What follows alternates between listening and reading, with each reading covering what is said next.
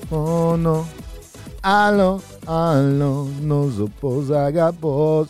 Grekiska. Assa, Ska på bröllop i Grekland i sommar. eh, ett stort fett Ett grekiskt stort fett grekiskt jävla bröllop ska jag på. på en ö. Vilken? Egna. Var ligger det? Utanför Aten säkert. En timme utanför. Alla har ju sin, sin grejen med Grekland, liksom, för alla Greklands hipsters, det är liksom, ah, har en liten ö utanför Aten. Vet du. Först bor jag nere i, i eh, vad heter hamnen där? Pireus. Pireus. Som egentligen är en egen stad typ. Man blir så man är i hamnen! Men den är otroligt stor den hamnen. Ja men jag har också bott i Pireus och tagit en båt ut till någon jävla ö också. I slutändan vill man ju ändå bara till Santorini på någon jävla lyxresort och sitta och ta det lugnt. Men, uh, nej, men Simpa Tonander som lyssnar på det här, han, han är ju väldigt tydlig med att det finns en liten ö utanför, utanför Aten som jag brukar åka till. Men eh, jag tror, vet jag tror ändå är? pipa till Santorini och kika solnedgången i då Oja.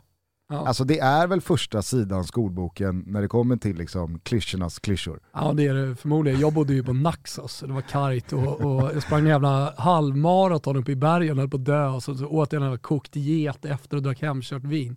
Ja, det, var, det, det, det var en resa det, men eh, här grejen med Pireus kan ju liksom sammanfattas i en mening. Eller i en mening. Men, men det som händer där är ju att de tar upp bläckfiskarna, smackar dem i asfalten och sen så grillar de dem direkt. Det är ju Pireus. Det, det är Pireus. Ja. Ja. Jag kommer ihåg sist jag var i Pireus, då, skulle vi, då hade vi varit på Egina, jag och en polare. Eh, och därifrån så skulle vi ta oss till Rhodos.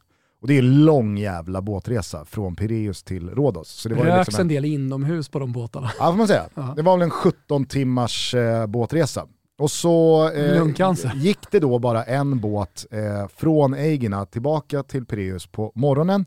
För att annars så skulle vi liksom bränna båten mot Rhodos ifall vi hade tagit eftermiddagsbåten. Så då visste vi att okej, då blir det en dag i Pireus. Eh, så vi kommer in där vid 9.30 på morgonen, vår båt mot Rhodos går vid 17.30 tror jag. Och den här dagen så slås det värmerekord. Alltså det var så jävla varmt. Det var så jävla varmt och det var en bakfylla som hette duga. Eh, Undra- undra som låg och vibrerade varm. där eh, vid, vid, vid eh, hamnkanten. Eh, så vi sitter där, försöker tryckutjämna lite, dricker lite, eh, du är ju en, du är en mytos. Är det taxa? kill. Nej. Ja, men jag är en alfa. Ja, okej. Al- alfa är min grekiska Jag tror att du gjorde mig från att vara en mytoskille till att bli en alfakille när jag var på Sketos i somras. Okej, härligt. Ja, Ja. Eh, äh, men så satt man och petade i sig några alfa och sen så var det så här, äh, men vad fan ska vi börja röra oss mot eh, båten? Och då inser man ju hur jävla långt det är bort till vart den här båten ska gå. Det är inte liksom så här, äh, men tunnelbanan går från andra perrongen. Eh, så att vi håller på att bränna den här båten, inser då också att ja, här, vi hade ju kunnat åka hit från början, för det är ju, de här båtarna är ju liksom, eh, det, det är ju, vad heter det, eh, när, eh, free seating. Alltså man har, ingen, man har ingen biljett till ett säte, Nej. utan det är ju free seating-båtar. Och grekerna har ju varit med förr. Det är ju ett par, det är ett par människor också som har varit i Grekland och båt, luffat och tuffat. Så de vet ju också att här gäller det att vara först till kvarn. Så att jag och min polare, det finns ju inte en eh, plats kvar. Så vi hamnar ju högst upp på soldäck med hundarna. Där det är liksom hundburarna. där, där Varför fick se- de vara där? kan jag tycka också var taskigt. Jag som hundmänniska nu med. Ja, Fast det, det, det känns som att Grekland har en ganska varmt sval sådär. inställning till eh, hundrasen Ja, överlag. Fråga bara Micke Nilsson. Kring. Han har väl gjort ett helt eh, liksom, efter fotbollskarriären liv på att ta hand om herrelösa hundar som empatilösa greker bara har sparkat ut. Men jag undrar om det var varmare där när du satt och drack eh, Alfa än det är i Accra just nu. Mm, nej, det kan man verkligen fråga sig. Eh, vi ska lyfta luren lite senare i eh, avsnittet. Vi har nämligen eh, en utrikeskorrespondent som återigen efter jävligt lång tid har lämnat landet och sett sig om i världen. Så att vi ska faktiskt pingla upp Jerry i Ghana. Men först ett svep. Det har ju trots allt spelats en hel del fotboll här i helgen. Vi har haft en stökig morgon i studion här på Kungstensgatan. Hockeytutto har dragit ut på tiden, det har tjorvat lite med eh, spons, eh, Tata Stör och Tuttosvenskan trycker på från andra hållet. Så att eh, det, är, det, det är mycket som ska hinnas med här. Jajamän. Således så ska vi liksom inte tumma på traditionerna, men som eh, motbud då till förra veckans måndagssvep som var i det längsta laget. Så blir det kortaste. Så kanske årets kortaste svep kommer ja, här. Men vi kör bara. Ja, härligt. Ja. Våren känns av, fotbollens hetaste period är ju här och med den såklart också våra vänner som inte bara stolt sponsrar Toto men också världsklassfotboll. Jag pratar om Heineken 00 alkoholfri. En riktig våröl om ni frågar mig. God i munnen, svalkande och en perfekt vän att hålla i handen när man till exempel kikar Champions League, eller varför inte Europa League, Women Champions League och Dam-EM som de är huvudsponsor till. Hörni, nu är det dags att ta helgen i mål. Svepet tillsammans med Heineken 00 alkoholfri. Cheers to all fans. Vissla Kimpa.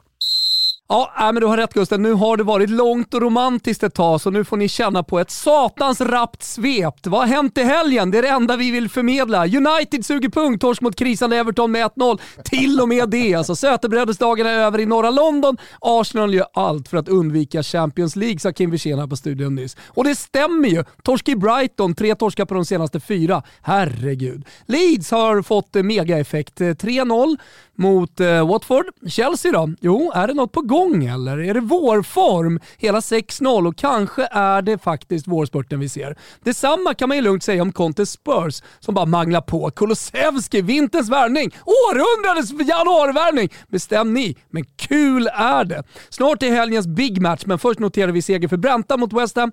Norpan slog Burnley och Leicester slog Crystal Palace. Snick snack tänker ni och det har ni rätt i. Vilken jävla match. Vilken kvalitet! Wow, wow, wow. Mäktiga City-Liverpool, delad pott och titelstriden lever och så vidare. Men låt oss bara stå här med brallan nere och grejen i handen och njuta av den otroliga fotboll som spelades. Wow! Från en värdig titelstrid till en rumphuggen, märklig historia på stöven. Milan fick bara 0-0 i Turin. Eller bara bara rättvis kanske, tycker jag. Napoli med dyngtorsk mot mäktiga Fiorentina. Ale! Viola! Jajamensan. Men Amala då? Amala! Pazza inte Amala! Visst hörni, de tokiga igen. De tog ju tre pinnar va? Tillsammans med Juventus som biter sig fast i toppstriden. 2-0 mot Verona respektive 2-1 mot Cagliari. Men det blir dramatiskt, det blir känslosamt, det blir underbart på stöveln. Även i Europaracet, Atalanta med torsken i Emilia Romagna. Samtidigt vinner Romlagen och Mourinho. Ah, han blir väl månadens tränare nu. Vad ska stoppa honom? Inte fan vet jag. I La Liga fortsätter Barcelona vinna. Supergubben Luc de Jong löste ytterligare en trea. Ah, håna nu då alla haters där ute. Dock finns inga titelmöjligheter eftersom Real Madrid bara manglar på. Sicken vårform 2-0 mot Getafe. Tack och hej. Vi noterar en 1-1 mot Athletic Club hemma för Villarreal. Sick. Och vad var det vi sa? Mm. Alexander Isak då? Jo, det var en svinsexig straff, men bortdömd. Vad säger Gugge om detta? Med tanke på så jävla mycket skit man får se från 11 meter. Varför i helvete ska den här blåsas bort då? Ah, ja, nåja, Lareal vann till slut med 2-1 mot Elche. Det får bli så här. Tysken och fransken får sitta ner. PSG manglar på Bayern mot ligatiteln. Leipzig vinner. Vinner utan pisstöka svep över, utan pinnar eh, för, eh, för Foppen va. Eh, lite ditten och datten här och där vi hörs. Inga allsvenskan? Nej. Nej. Det, Kör utan. Det, det kan man... kommer eh, aldrig bli allsvenskan i mina nej. Det är, så är det. För nytillkomna lyssnare så är det ju så. Eh, vi har ju precis sparkat igång ännu en allsvensk säsong, men eh, under eh, Toto Balutto-delen av året när allsvenskan är igång så brukar Thomas eh, sällan, aldrig, eh, rapportera i sina måndagssvep om ord. vad som hänt i allsvenskan. Varför vet ej, men så är det i alla fall. Men jag, jag var i alla fall rätt på faktan här, det är det viktiga eftersom det gick så jävla snabbt och, och rörigt. Ja, nej, det var okej. kul. Ja, bra. Eh, men då misstänker jag att du inte var på plats eh, på Friends när ditt kära Gnaget då, allsvensk, premiärade igår på hemmaplan mot eh, Peking. Ingen bussmottagning, ingen frans, nej. Eh, vi noterar i alla fall en eh, krampaktig men ack så viktig 1-0 för Gnaget. En blytung eh, dito för Mjällby eh, som tillsammans med eh, den nybakade allsvenska tränaren Andreas Brännström alltså inleder med att piska på Elfsborg borta 2-0, Djurgården hemma 1-0. Två hållna nollor, sex poäng och en jävla pangstart. Pangstart också för Häcken. Jag har ett litet eh, sidobett med eh, vår kära utrikeskorrespondent om Häckens existens faktiskt fan. i allsvenskan, där man sitter på Häckensidan givetvis. Danne har kört ett klassiskt win-win. Stannar de? Bra. Åker de ur? Pengar. Pengar. Exakt, man satte ju ett bett med oss alldeles nyligen. Ruskigt vass. Vad fan var det? Det var ju du som bollade upp det. Ja, nej men det var ju, eh, han hade Polen 2 Just det, vi körde resultat i Polen-Sverige. Ja. Han körde 2-0 Polen. 2-0 Polen. Skopade hem. Ja. Eh, nej men mer från eh, den eh, allsvenska helgen. Göteborg börjar också med 6 poäng. Mm. Det kanske inte är sådär bländande offensivt, men eh, Nu Mackanberg... räknar man hem allting. Mackanberg eh, visar ju klassen igen, står på 2 plus 1 eh, och, och, gjorde skillnaden här när Helsingborg eh, slogs tillbaka på Olympia. Kalmar studsade tillbaka efter torsken mot Malmö som var jävligt sur. Här var det ju liksom maxutdelning. Robin Simovic missar ju en straff eh, vid ställning 1-0. 1-1 där så blir det nog en annan match på Porsbergsvallen. Men jag tycker både Oliver Berg, men inte minst då Simon Skrabb, kliver fram här och eh, visar direkt de som menar på att äh, hur bra värvning är det här egentligen? Ja, att eh, han är eh, ruggig alltså. Dels är han ruggig, men jag, jag, tycker också att man ska hylla Henrik Rydström här, för jag tycker han verkar vara den där tränaren som får ut maximal talang av spelare och det känns som att de hamnar under honom i en bra miljö för att spela sin bästa fotboll så att säga. Och det, det kan tyckas vara klyschigt men, men eh, jag, jag vill verkligen understryka det återigen.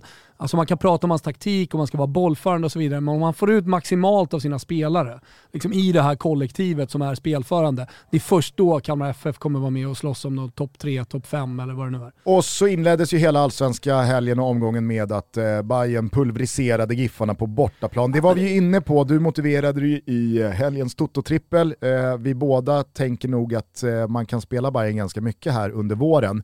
För de flyger, de har vind i seglerna, de har träffat rätt med nyförvärven. Sen så måste det ju sägas att alla vi som var skeptiska till Giffarna, ja vi kanske fick tänka om lite efter premiären mot eh, Sirius där man stod upp bra. Men här så kände man ju att äh, mot eh, de kvalitativa topplagen, då har Giffarna inte mycket att eh, sätta Nej, emot. och sen så finns det någonting i, i bayern starten här som eh, kan bära ganska långt. Alltså att man har så jävla mycket energi i sitt spel och man har fått, igång, eh, fått igång sina nyckelspelare på ett otroligt sätt. Och så när man pratar med bayern folk eh, så, så hör man ju hur jävla nöjda de är med Cifuentes.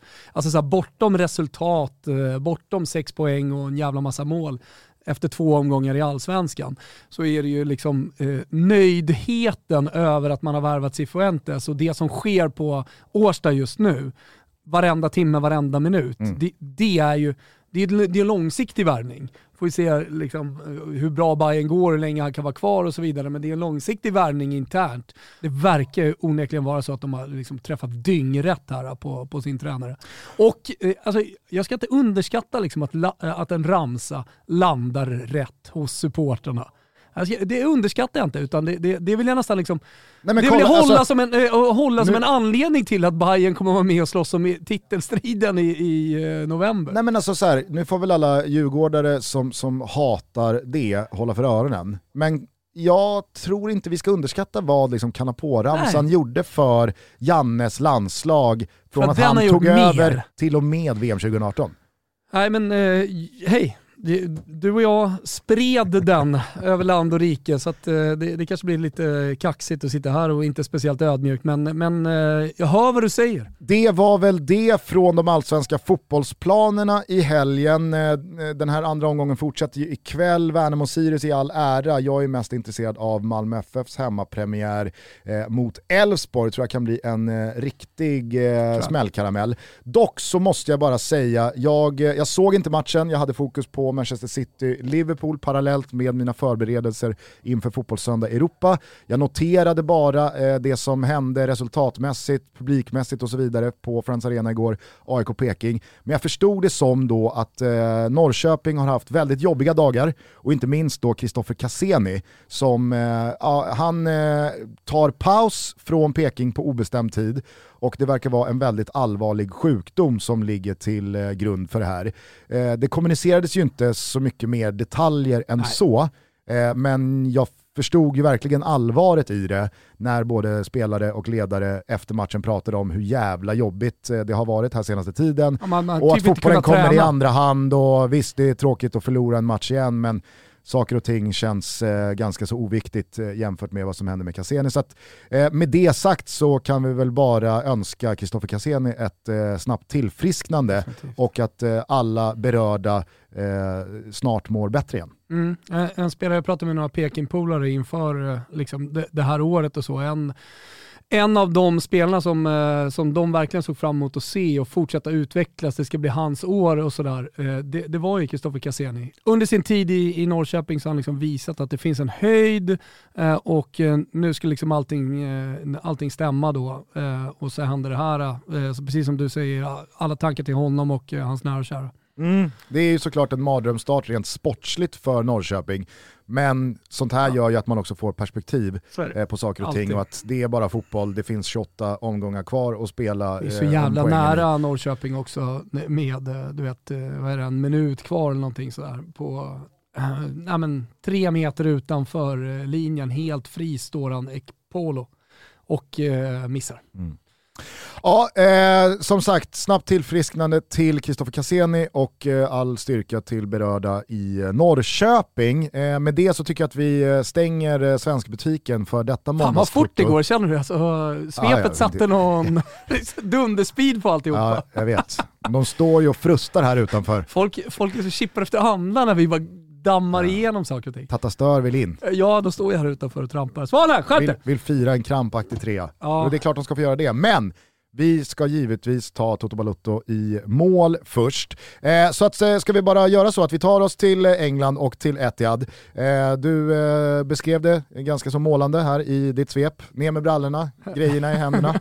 Vilken jävla fotbollsmatch. Ja men det var det ju. No show KDB dock. Ah, trist att han inte... Ja Mm. Att, han, äh, att han dök upp då, ja. och att den riktiga Kevin De Bruyne inte dök upp. Ja. Nej, skämt åsido, jag tyckte belgaren återigen stod för en uh, otrolig insats. Passningen fram till Mares där, det sista som händer, mm. när uh, Algerien bara ska avgöra. Ja, men det är ju så jävla macka alltså. Mm. Eh, så jävla fint att se en sån här liksom, stor match med så fantastiskt bra fotbollsspelare och grymma tränare och vara neutral. Ja. Alltså att inte ha några känslor utan bara kunna njuta. Det är ju sällan man kan göra det. Man sitter och bara njuter av fotbollen. Ofta så... så Överpi är Överpipan är klar tidig. Ja, exakt. Överpipan är klar, klar tidig. Man har ofta någonting borta hos Betsson liksom investerat i matcher och det höjer pulsen och så vidare. Men här kunde man bara, överpipan är klar, Toto-trippon hemma, nu sitter vi bara och njuter. Ja, jag måste säga det att eh, jag tycker Förstördes att... ju dock lite av att Gnaget spelade samtidigt krampaktigt mot eh, Peking. Ja men skit i det nu. Jo, du får, väl, vet. Eh, du får väl gästa Säger Testa Stör om du vill prata vidare om det. Jag tycker nu att vi fokuserar på Manchester City mot Liverpool. Det slutade 2-2, titelstriden avgjordes inte, men man får ju givetvis konstatera att Manchester City kom några procent närmre den efter att eh, inte då ha förlorat mot Liverpool. Man är fortfarande i förarsätet, nu har Liverpool inte längre kvar möjligheten att slå City. Så att eh, även fast eh, City inte avgjorde någonting så kom man ju närmare ligatiteln. Jag tycker också att var det något lag som var närmst segern och kanske förtjänade den lite mer än det andra laget så var det väl City över 94 minuter. Eh, I synnerhet sett till den första halvleken där jag tycker City är riktigt, riktigt bra. Jag tycker att Liverpool inte står att känna igen, vilket förvånar Say hello to a new era of mental health care. Cerebral is here to help you achieve your mental wellness goals with professional therapy and medication management support. 100% online. You'll experience the all new Cerebral Way, an innovative approach to mental wellness designed around you.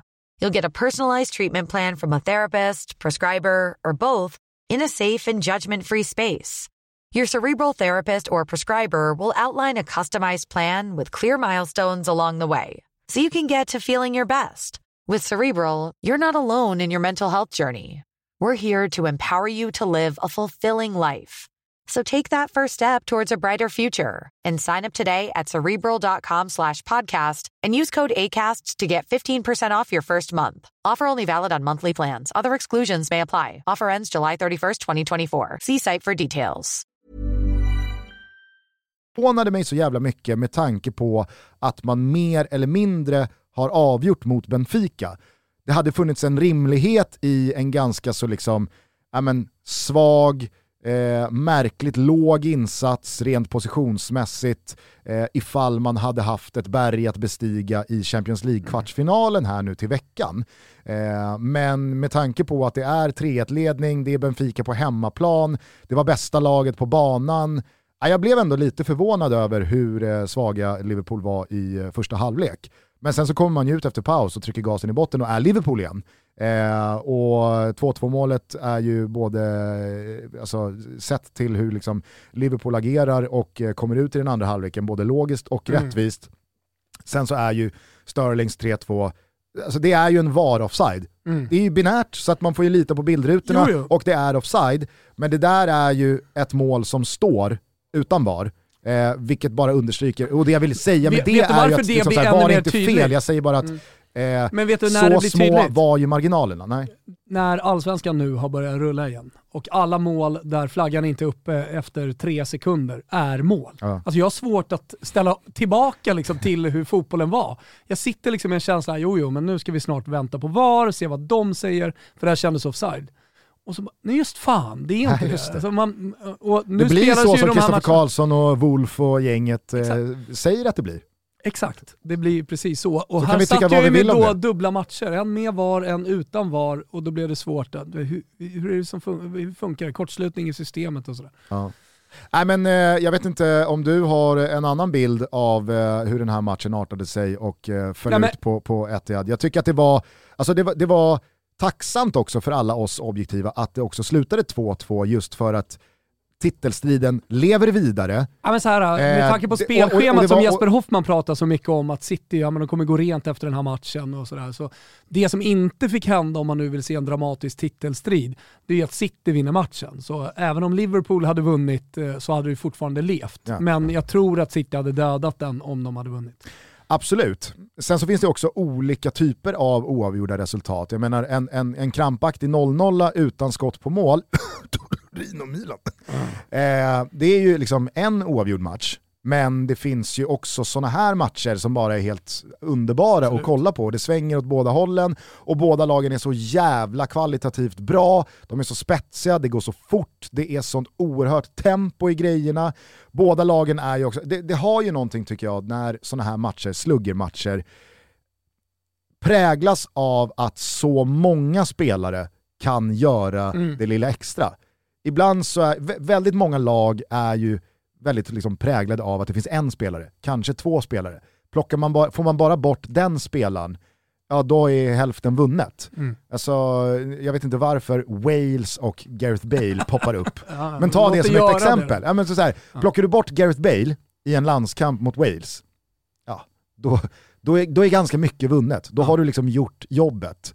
Eh, men på den här plan, Ja, det, det, det, går liksom inte att lägga mer krut på att ta bort Sala, för då får man ner matchen. Du har ju dessutom mittbackar som är otroligt starka på fasta situationer och som ofta gör mål. Eh, van Dijk, Matip, eh, Laporte och så vidare. Så att jag menar, det, det är inte bara på de offensiva positionerna man kan förvänta sig att det blir poäng. Nej. Det är Trent Alexander-Arnold och Robinson som skickar inlägg, vänder över det till City. Så det, det, det, är liksom, det, det är poäng på varenda jävla spelare i olika situationer av en match. Det är ju en evighetslång diskussion det här med vilken liga är bäst i världen och vilka lag är de bästa Manna upp upplevt. Premier League-runket var ju igår på sociala medier ganska så unisont överens, tyckte jag mig ändå läsa in, att det här nog är de två bästa lagen i fotbollshistorien som möts.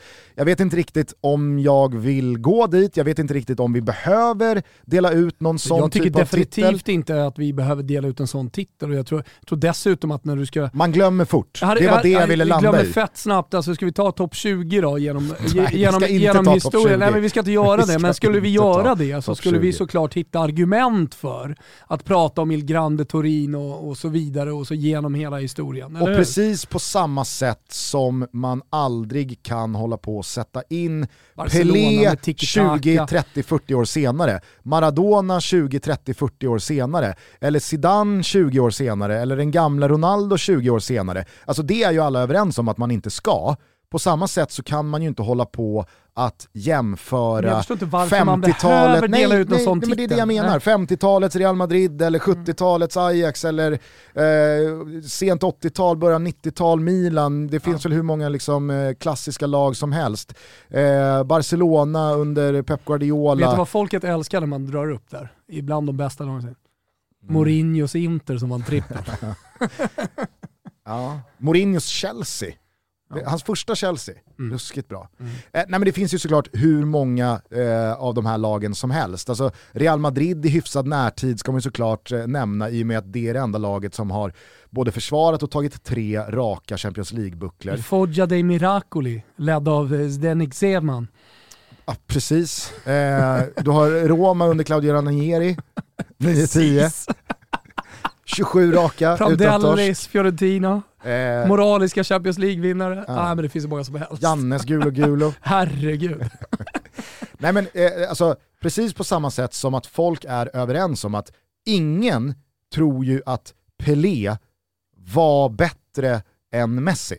Det handlar ju om att jämföra Utan, liksom hur bra spelarna var under exakt, sin tid. Man måste ju sätta in dem i relativa termer. Hur bra var Pelé då kontra hur bra exakt. är Messi idag? Det, det, är så man måste göra. Och, det och liksom hur bar de sina lag och vad och, gjorde de egentligen där ute på planen? Och exakt samma sak gäller ju nu. Ja, det vore väl Men konstigt ifall Manchester City och Liverpool, två av de absolut mest givna favoriterna till att vinna Champions League, överlägsna ettor och tvåor i den mest kanske konkurrenskraftiga ligan vi har i världen, Premier League.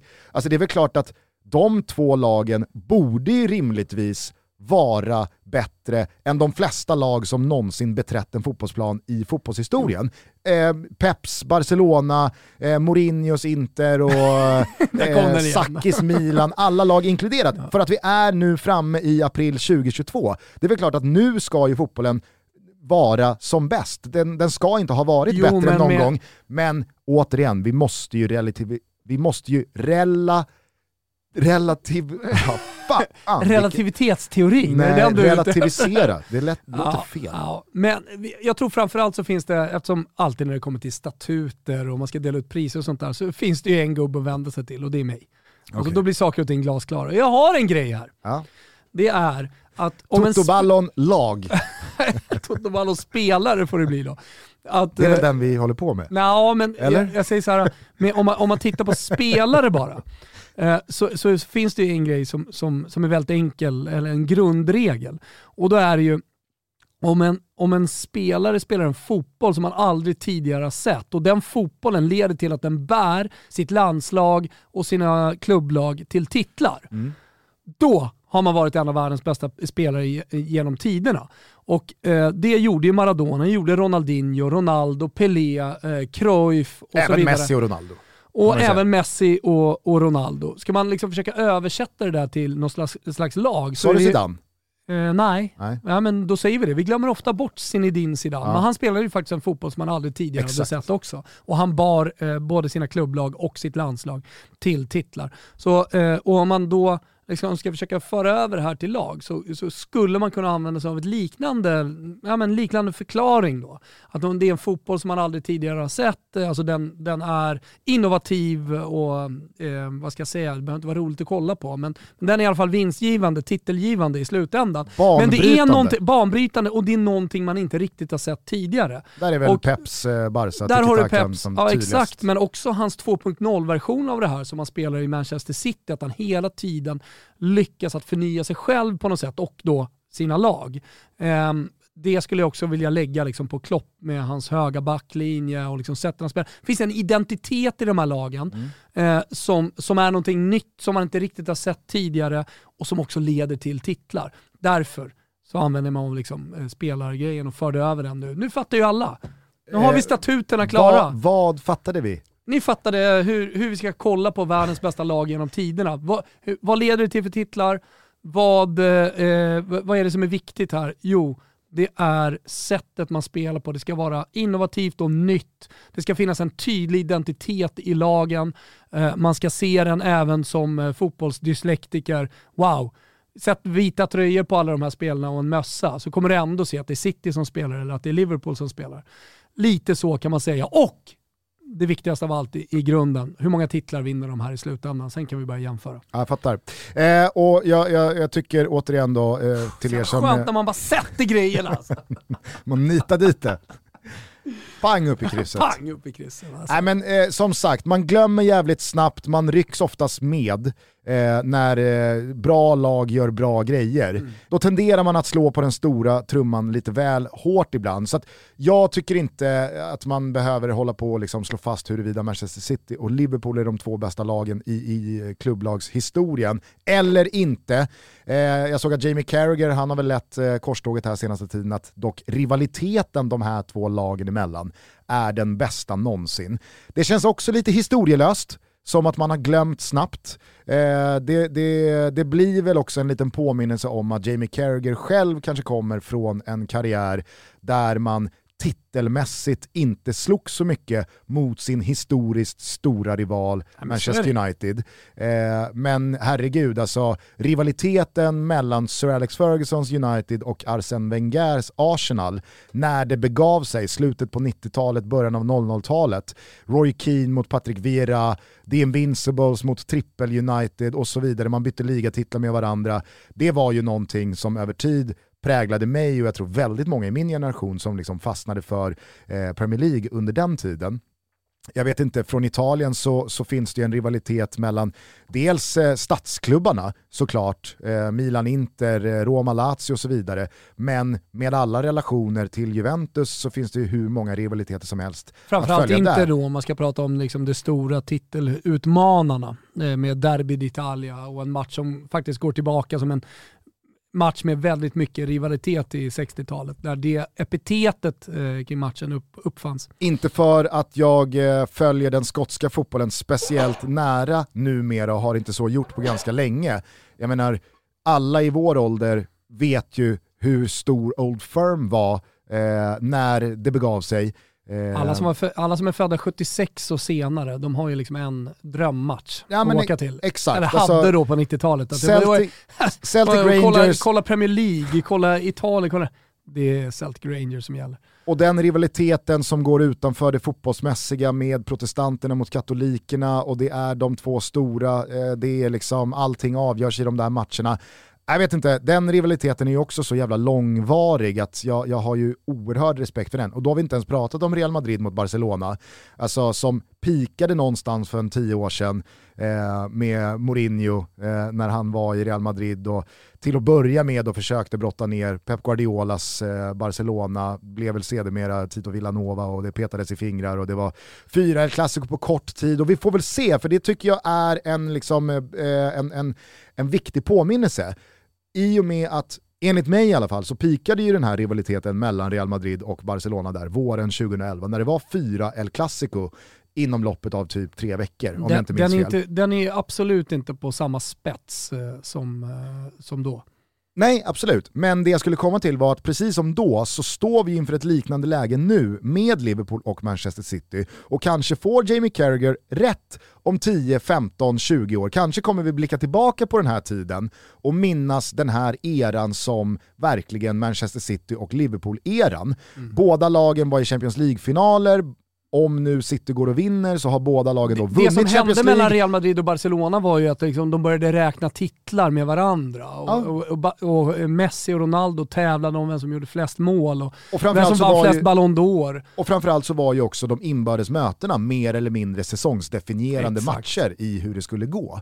Eh, och om nu City skulle lyckas med att vinna Champions League antingen i år eller nästa år, ja, men då har ju båda lagen vunnit Champions League under den här eran. Det är bara de två som har eh, vunnit, eh, Premier, eller Chelsea dök väl upp och tog någon titel på något skevt sätt här. Leicester då? Eh, ja men det var så länge, det, det var, inte länge. den här eran. Nej, det är sant. Eh, men eh, då så... Förlåt. Ja, det är okej. Ja. Det är okej.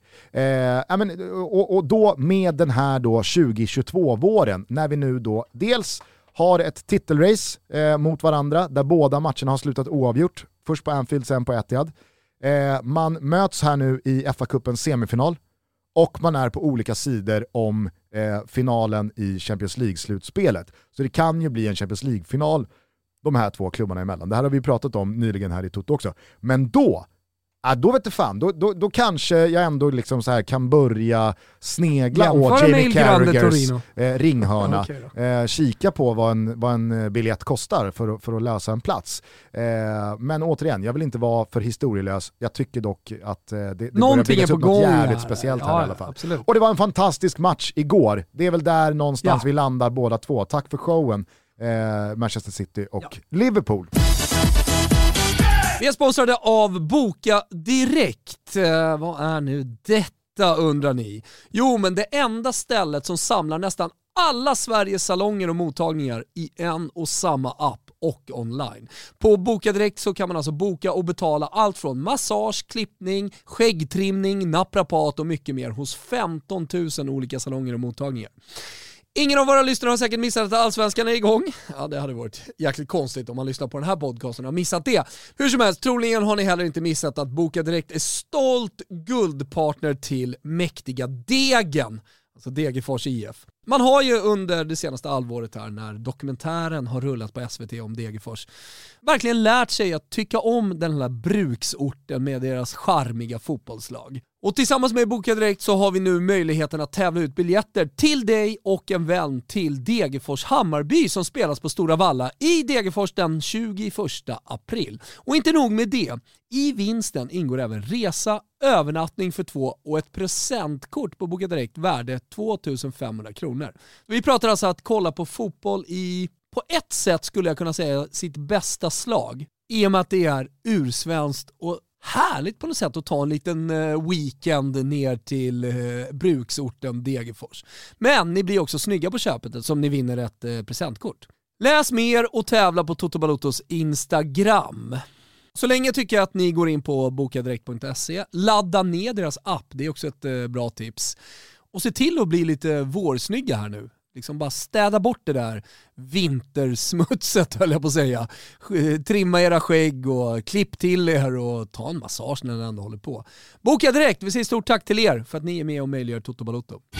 Det här är ett stolt samarbete tillsammans med Björn Borg och vi har tillsammans med dem en rabattkod som heter TOTOBALOTTO20, TOTOBALOTTO20 alltså, och då får man 20% rabatt på björnborg.com men dessutom även i Björn Borg-butikerna ligger till exempel en här i Stockholm i Sturegallerian. Extra bra att säga också det är att det är fri frakt med koden TOTOBALOTTO20. Så att det är inte bara 20%. Vad är då Björn Borg och vad håller de på med där borta? Jo, de har lanserat lite nyheter och en paddelkollektion. Vet jag att många av våra lyssnare spelar paddel, så kika in deras paddelkollektion på björnborg.com. Vi gillar ju deras klassiska underkläder, deras väskor, men träningskläderna har ju kommit starkt på slutet och eh, när jag går på gymmet från och med nu också när jag ska spela padel så är det även Björn Borg som gäller där. Den nya kollektionen är klassad som ett better choice. Det innebär att produkterna är antingen gjorda av minst 70% hållbara material eller stödjer better cotton. Björn Borg vill inspirera människor att träna för att leva. Förstår ni vad jag menar? Man ska alltså inte leva för att träna. Tvärtom, vi ska träna för att leva. Och bli de bästa versionerna av oss själva som bara vi kan vara. Va? Toto Balotto 20, Toto Balotto 2.0 alltså är det som gäller. Kolla in på vår eh, Instagram också, lägger vi ut några av våra favoriter. Shoppa på, glöm inte bort Train. Say hello to a new era of mental health care.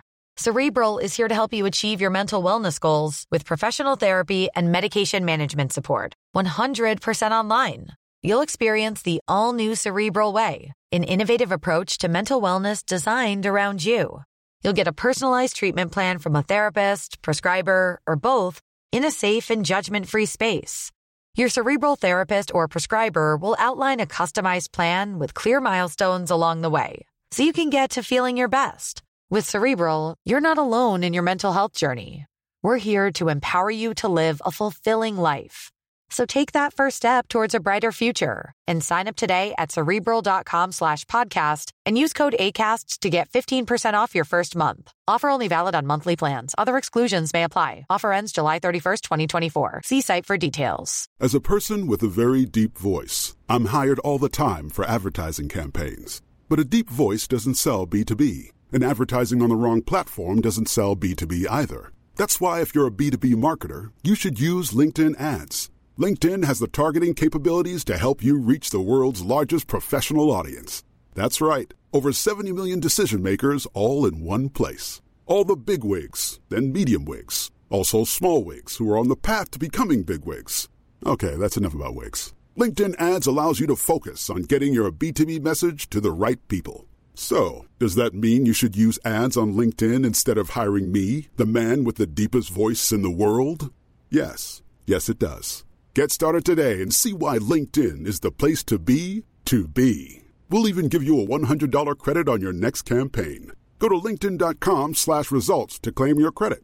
That's linkedin.com slash results. Terms and conditions apply.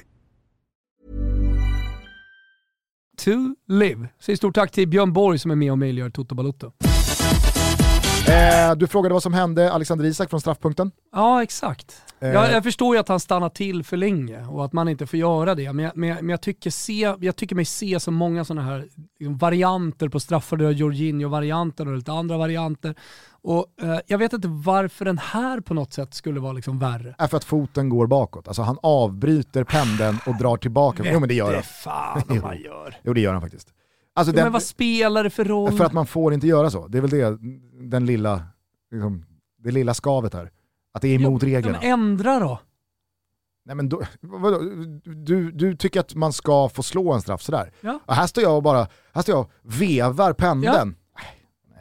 Fan, spetsa till det ytterligare. Ge, eh, jag, jag tycker alltid man ska ge anfallare fler eh, nycklar och fler vapen. Därför jag går igång väldigt mycket på Wengers nya offside-regel. Du som sitter och- gör om allting. Du, du, du tillhör alltså den oerhört märkliga skaran människor som jublar åt sådana här Zorro-straffar i innebandyn. Du tycker det är lite härligt. måste vi Ge dem in, nycklarna. Måste, måste vi blanda in innebandyn? När jag ser en sån här Zorro-straff, det, jag tycker bara att det är pinsamt. Det håller jag med om. Jag tycker det är pinsamt att sitta och titta på. Att Ja, så här, det håller jag med om. Är det här, vad, vad, så, så här Men jag tycker att det är så jävla små marginaler att säga, jo han drar en bak. Jo när du kollar på din jävla super slowmo i studion, men när du kollar på den där straffen så känns den ju bara som vi- vilken annan liknande straff som helst. Tycker Oj då, här gick det. benet lite bakåt i Även- en hundradel sekund. Även i realtid så hajar man ju till kring att det där gick inte riktigt till. Jo men det är en stor jävla skillnad på att stå och veva.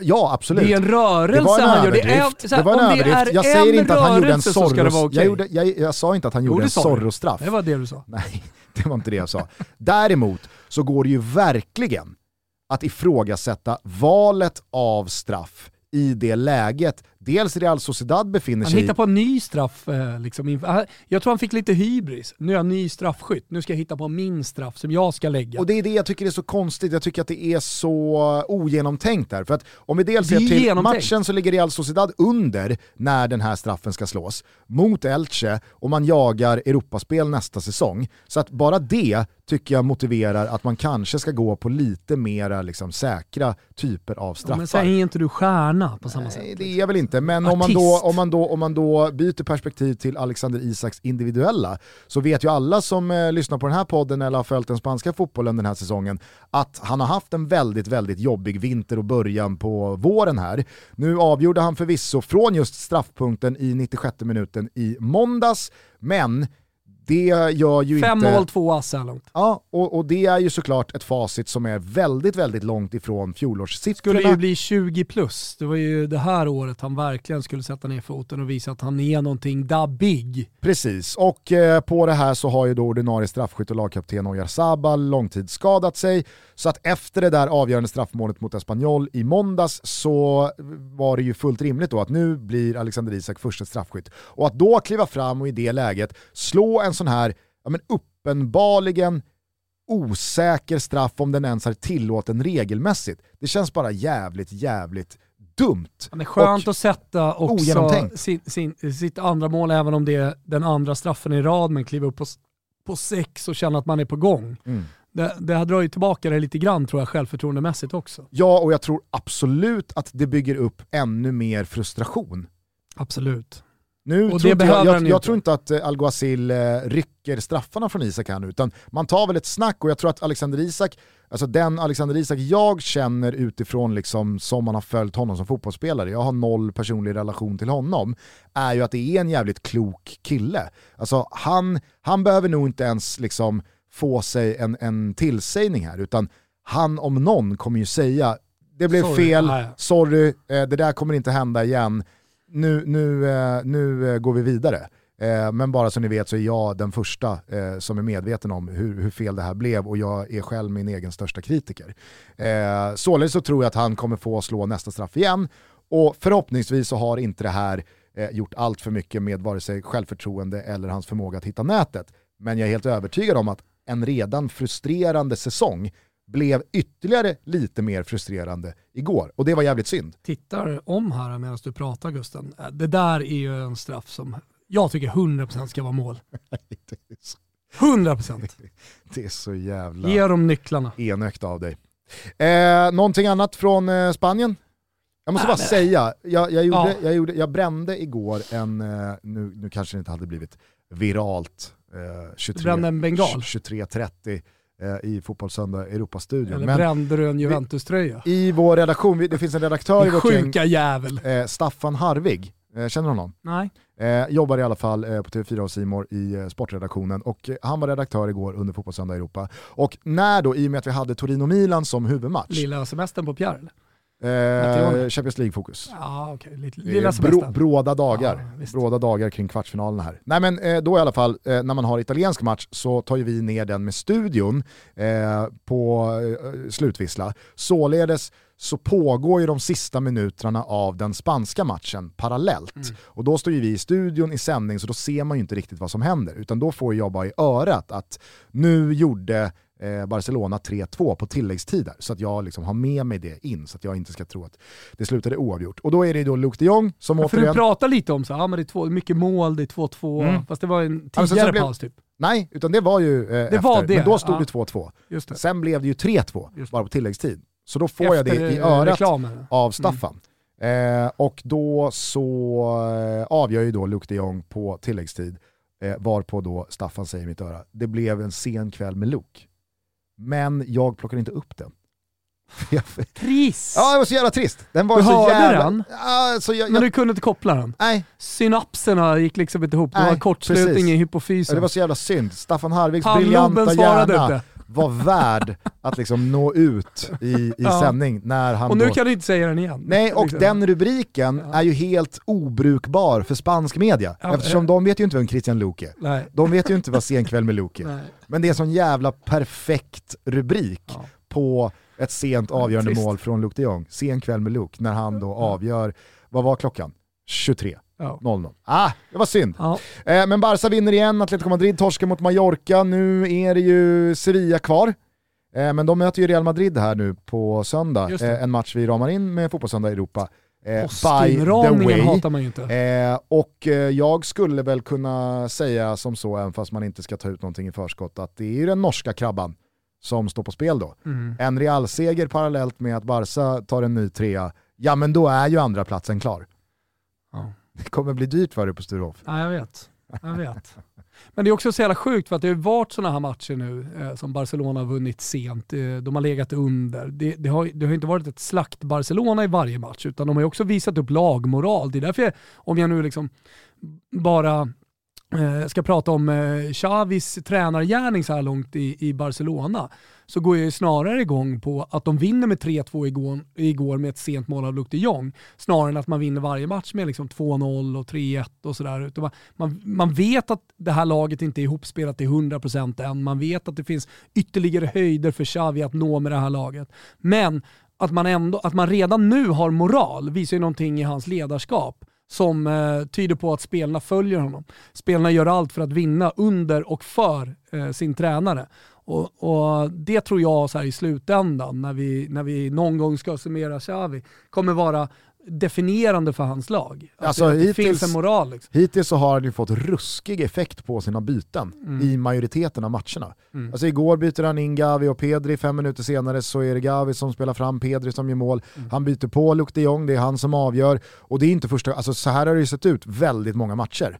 Eh, det, ska bli, eh, det ska bli, det ska bli eh, kul att att- följa dem här fortsättningsvis. Eh, Ja. inte minst här mot Eintracht Frankfurt som jag tycker stod upp jävligt bra i eh, Tyskland i torsdags och eh, förtjänade, problemet för dem. förtjänade nog mer Mm. än, än 1-1. Så problemet för dem är att Barcelona har så jävla moral. De kommer vinna det där ändå.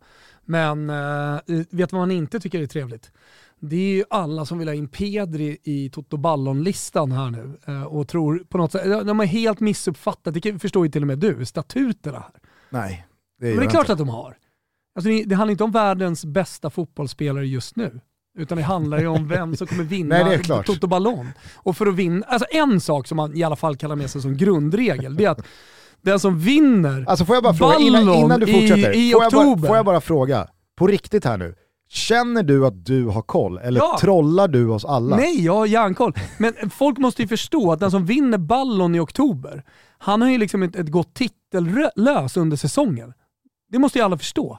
Nej. Du måste i alla fall vinna en fucking titel med ditt lag. Och det spelar ingen roll hur bra Pedri är. Han kommer inte stå där som en topp fem. Det finns Europa, inte en chans. Europa League och norsk krabba till Gugge? Det räcker hjälper, inte som- Nej, det hjälper inte. Nej. Det Borde- hjälper inte. Nej. Europa League, det, det, det räcker liksom ingenstans. Bode Glimts conference-titel kommer inte heller hjälpa några heller baggar hjälpa. i Nej. det gänget. Nej, tyvärr. Nej, fattar. Nej. Oerhört väntat segermål mot Roma. Alltså det finns en spelare som, Var har, som har en Var chans. du med på fyra gånger pengarna? Och det är, det är Mbappé. Han är den enda gubben som liksom inte vinner, bara vinner ligatiteln så att säga, som har en chans. Okej, ja, härligt. Eh, du, eh, jag tycker att vi eh, faktiskt ska Möjligtvis bereda plats för eh, utrikeskorren eh, innan, eh, det är, För sent. innan det är för sent. Så att, eh, vi, får, eh, vi får be om att få återkomma bara kort till eh, Italien-helgen. Eh, nu lyfter vi luren igen. Ja. Tjena Danne, Janne här. Har du Sams nummer?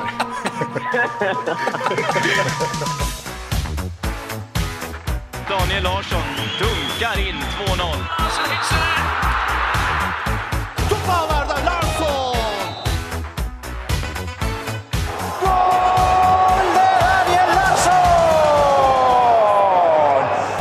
Fan vad roligt det känns att höra den där vignetten igen. Det var bra jävla länge sedan. Nu befinner sig utrikeskorrespondenten i Ghana. Daniel, berätta, vad är det som händer? Ja, ja men eh, Ghana ska ju besökas. Och Accra ska ju utforskas såklart. Ehm, så jag har varit här och kikat på lite fotboll i några dagar.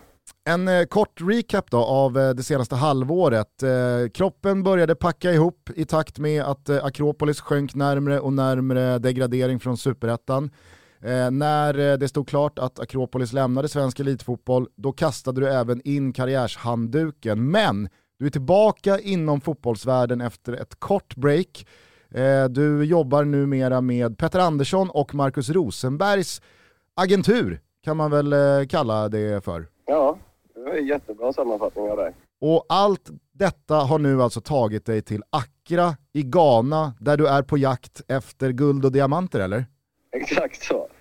Det låter ju fräscht om du säger det på det sättet. Men visst, så är det. Eh, och och hur, är, hur är Ghana? Eh, det är fan fem plus upplevelse. Det har varit eh, jävligt roliga dagar. Berätta, vad, vad är det som gör Accra och Ghana så bra? Alltså det, ni vet ju att jag är svag för klimatet. Det är det första. Eh, sen är det ju eh, otroliga kontraster. Vi pratar ju plankris hemma. Det får man säga att det är här också. Och de tar verkligen vad de har. Jag var och kikade på en eh, U14-match igår var det väl. Eller U17-match var det. På eh, buss, eh, stora busstationen. Som de spelade då på. Jag kan skicka en bild till er sen på det. Det var... Ja, det var en fotbollsplan. Men Danne, med Ghana-mått mätt, eh, eh, alltså vad var kvaliteten på de spelarna som spelade där? Var det liksom så här lite akademi, lite liksom toppspelare som spelar på den planen? Är det inte bättre att mäta måtten i svenska termer? Eller har du någon koll på Ghana-måtten? Nej, nej, men jag vill bara veta vad det var för typ av fotboll som spelades, eh, så man får en kontext på liksom, vad för Ja, nej, fotboll spelades jag på plan. menar. Ja, alltså det är ju pre- precis så. Det är ju liksom inte akademier på samma sätt som, eh, som de svenska storklubbarna har akademier. Utan akademierna är ju fristående här. Eh, Men det är ju de spelarna som ska upp till, till högsta ligan och till andra ligan nästa år liksom. Så det är ju först då de börjar spela på riktiga fotbollsplaner. Om man nu kan kalla dem för riktiga. De är också rätt så svaga generellt.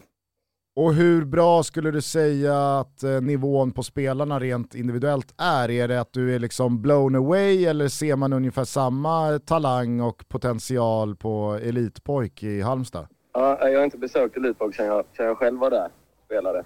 Så det är lite svårt att säga. Jag är ganska ny i, i gamet fortfarande. Men eh, att ens kunna driva en boll på de här planerna, det är rätt så imponerande.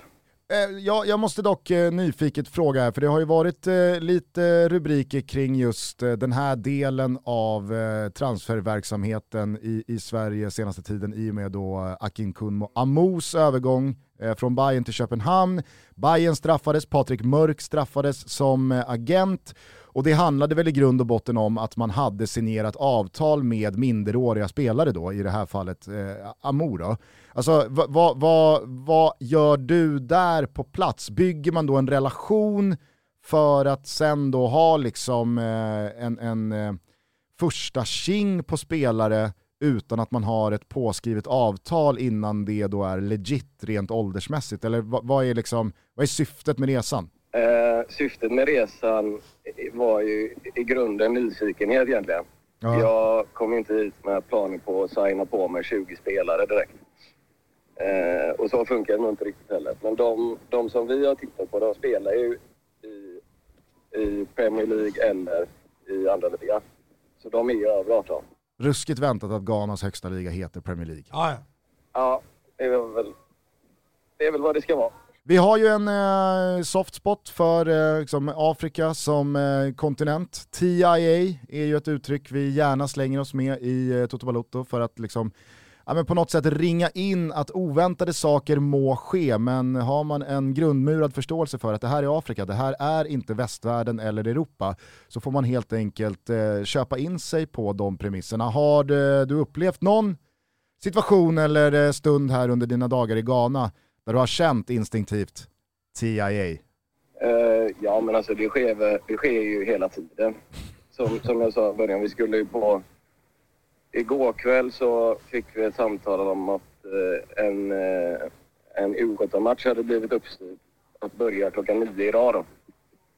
Och klockan kvart i nio så var matchen inställd nu i morse. Och det, vad fan. Hade jag fått ett matchbesked kvällen innan så är det tveksamt om jag hade varit game för match klockan nio imorgon också. Så jag, jag kan köpa det. Fick ni någon anledning till att matchen var inställd? Eller? TIA? Nej. TIA. Ah. Det stod så i sms. TIA game cancel. Men eh, du sa här att eh, syftet kanske snarare var att komma ner och se och lära och skaffa sig erfarenheter och få en inblick i hur det funkar snarare än att signa 20 spelare. Men har du liksom sprungit på någon sån jävla råtalang att du ändå tillsammans med då dina kumpaner och kollegor här hemma i Sverige känner att nej, men den här spelaren är för intressant för att inte på något sätt upprätta någon slags relation till? Det har jag. Ja.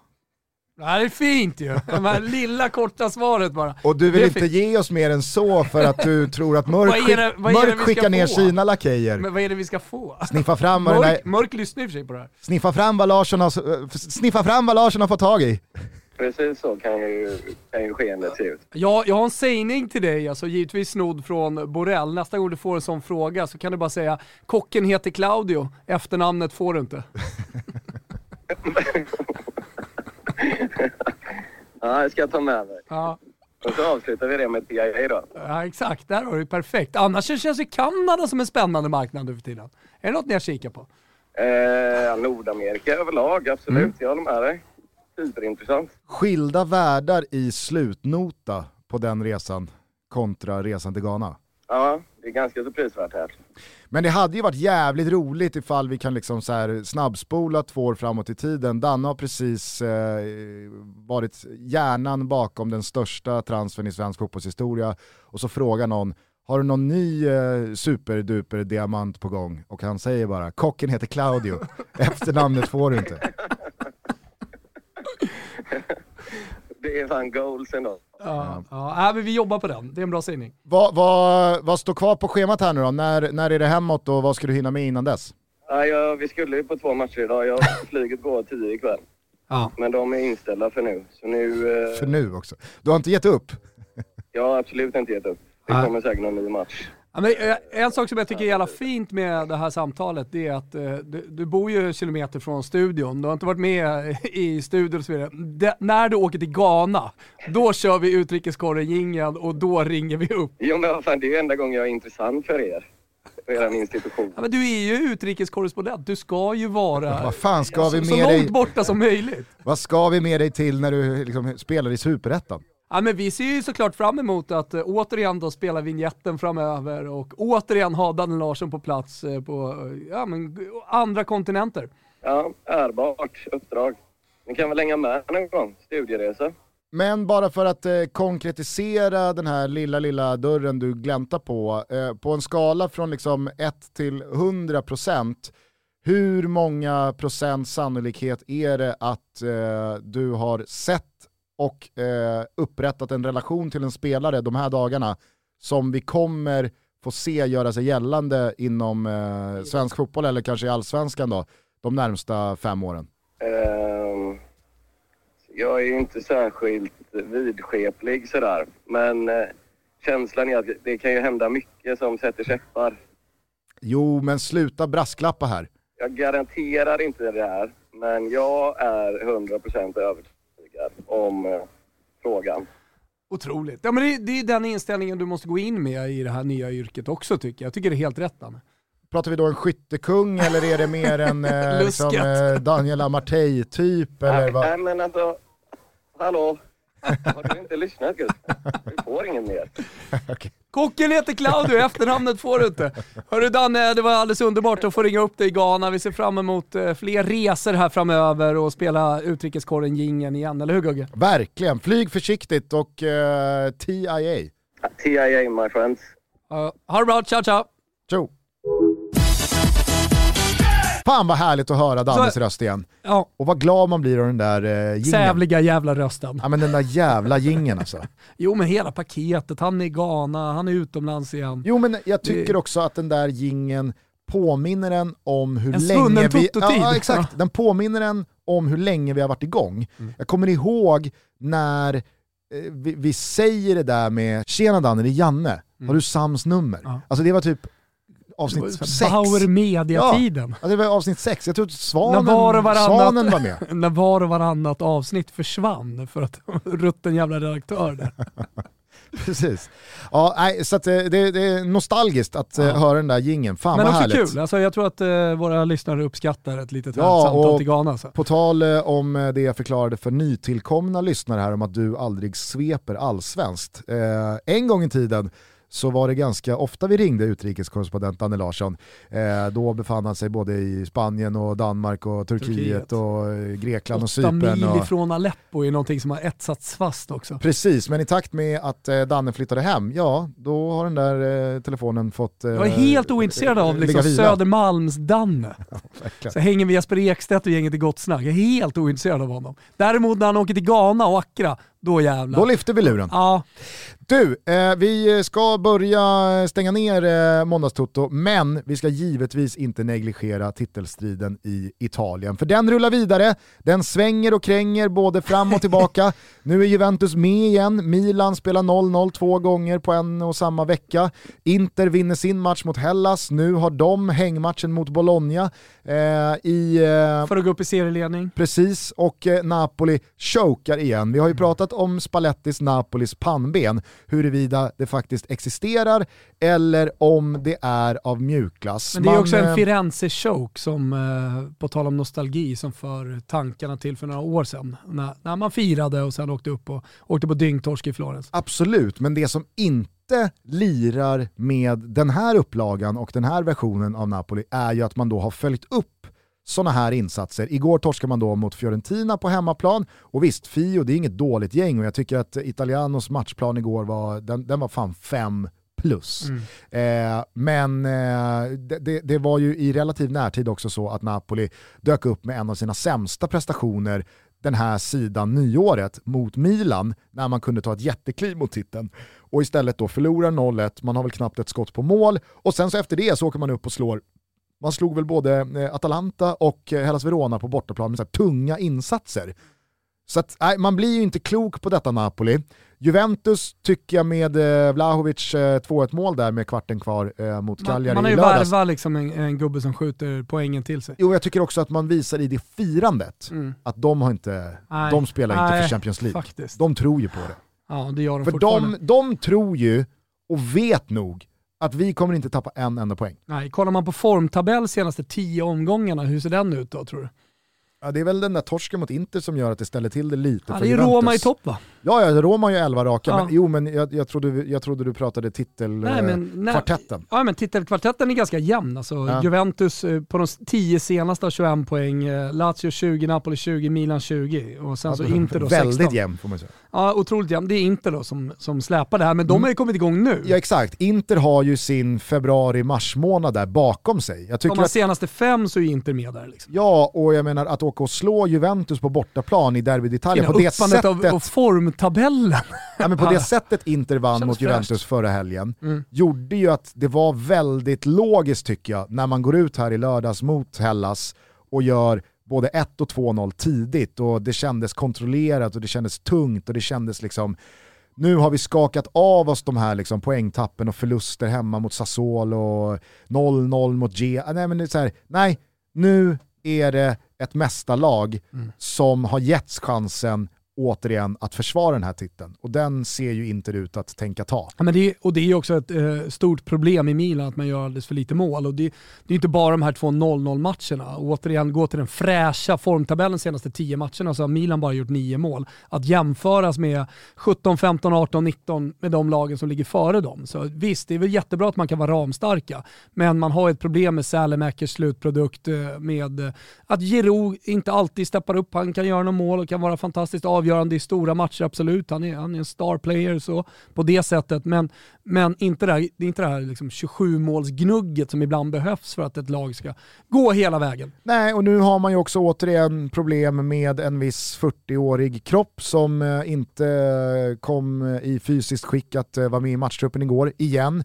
Och det börjar kännas eh, lite jobbigt här tycker jag. För att det, det, dels så känns det ovärdigt ifall det ska sluta så här. Och dels så känns det lite liksom, ja, men det, det, det, det känns inte kul att det nu så uppenbart är, det, det är inte längre smällar och skador man drar på sig ute på plan.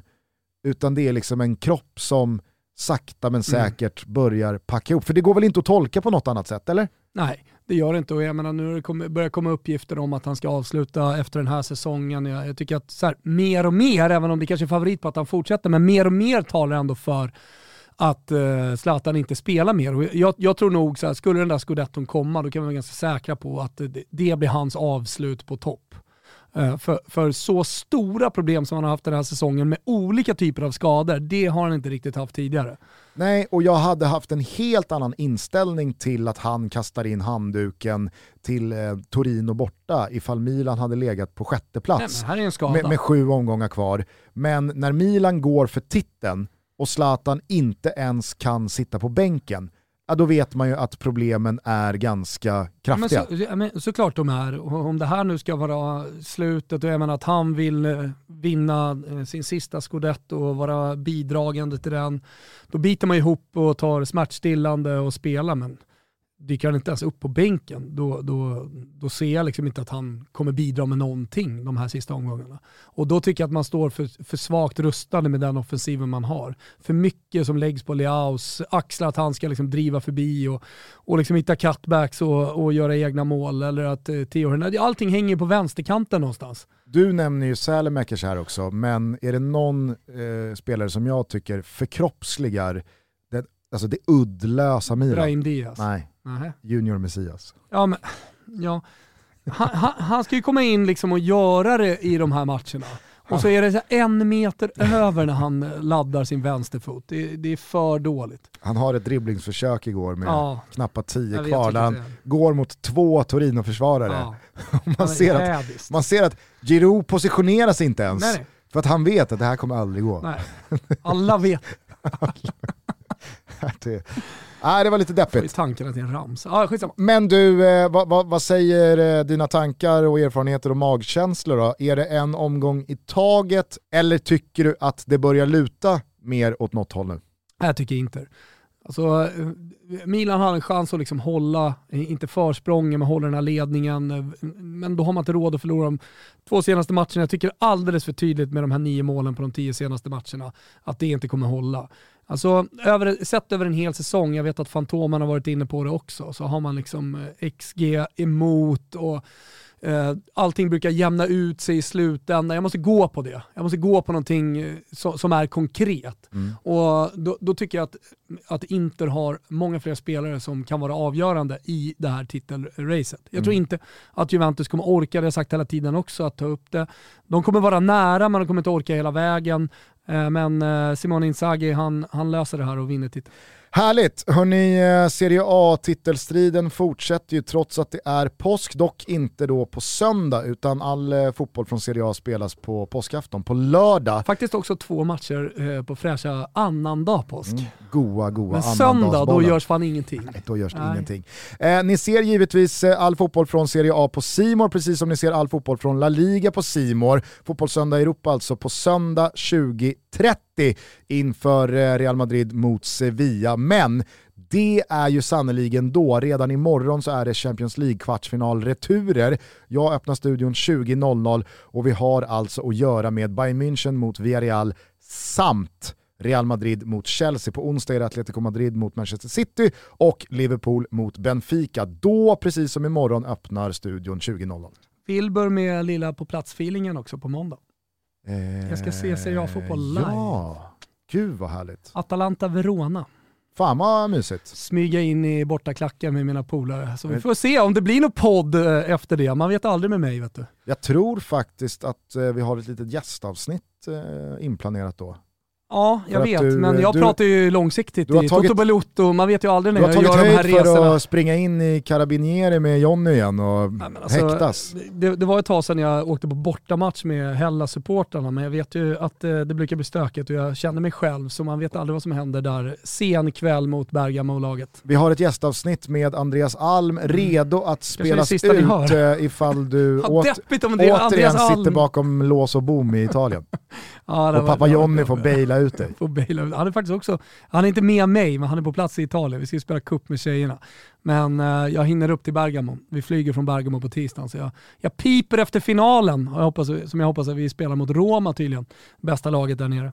Ja, det förvånar mig inte. Nej. Eh, men Man du, skålar eh, calcio som jag tycker eh, att- hålls högt. jag tycker att vi ska börja runda av. Nu nämnde du det i svepet, men jag tycker fan det tåls att sägas igen också. Dejan Kulusevski, vilken jävla form han är inne i eh, i, eh, i Spurs. Eh, nu pulveriserade man ju verkligen Aston Villa och jag tycker att det Kulusevski, Son och Harry Kane har tillsammans, alltså det är så jävla, jävla bra. Ja, det är otroligt. Det är, är det är häftigt att, att se vad ett eh, miljöombyte och eh, självförtroende gör med en spelare som Kulusevski. Nu ser man ju verkligen hans rätta jag. Det man bara såg glimtar av under tiden i Juventus eh, med Pirlo. Men vi som var det som med vi under knappt Parma. såg någonting eh, under tiden med Allegri här i, i höstas. Nej, fan det är jävligt, jävligt eh, kul och fint att se. Inför Champions League nu i veckan, det är hockeyslutspel också, jag vet inte om du kände till det. Det är kvartsfinaler som ska avgöras och snart semifinaler. Och Man lyssnar väl på. Hockeytoto, Det hoppas jag fan att man gör. så det har jag tillskansat mig. Vi hade ruskigt kul idag ska jag säga. Eh, Men eh, det är många som skriver till mig och eh, vill ha tips på ett paket där man får både hockey och fotboll och massa rättigheter. Och då vill jag tipsa om eh, megapaketet från Telia för 599. Där får man då alla era på Simors rättigheter eh, vad det gäller fotboll, alltså Champions League, seriala liga och så vidare. och så vidare. Du får också HBO Max utan extra kostnad och all jäkla hockey som spelas. Det är bra grejer. Ja men det är riktigt bra och det sjuka är att det här kostar alltså 599, man sparar alltså 697 kronor i månaden. Så gå in på telia.se sport, skaffa er det här abonnemanget om ni vill se allt. Vi gör så att vi hörs igen på torsdag, skärtorsdag, that is. Eh, och så tar vi ner eh, Champions League-kvartsfinalerna där eh, jag i alla fall bara vågar lova att eh, Liverpool är klara. Ja, jag känner att eh, de andra tre matcherna, det, det, det är öppet. Mm. Även Ja, fast det såklart är jättefavorit på både City och Real Madrid. Ja. Bayern München, Villarreal. Pff, Vilken match det blir imorgon otrolig, alltså. otrolig match. Du, det måste vi ändå säga. Vi satte ju Toto-trippen som berget eh, den här helgen. Eh, Det var ju bara liksom att åka som jag nämnt tidigare när Öven satt i eh, mäktiga City mot eh, Liverpool. Men eh, nej, jag tycker vi var värdiga den efter lite stolpe ut. Och nu, nu går vi helt enkelt för dubben och eh, vi gör en Champions League-trippel. Så håll utkik på våra sociala medier så kommer ni få den. Nu vill bara avsluta med trevlig resa till alla damer. Trevlig resa till alla damer. Blåkulla. Aha. Bon viaggio säger vi från eh, eh, Toto Balutto. Så hörs vi igen snart då. Det gör vi. Ciao tutti. Ciao tutti.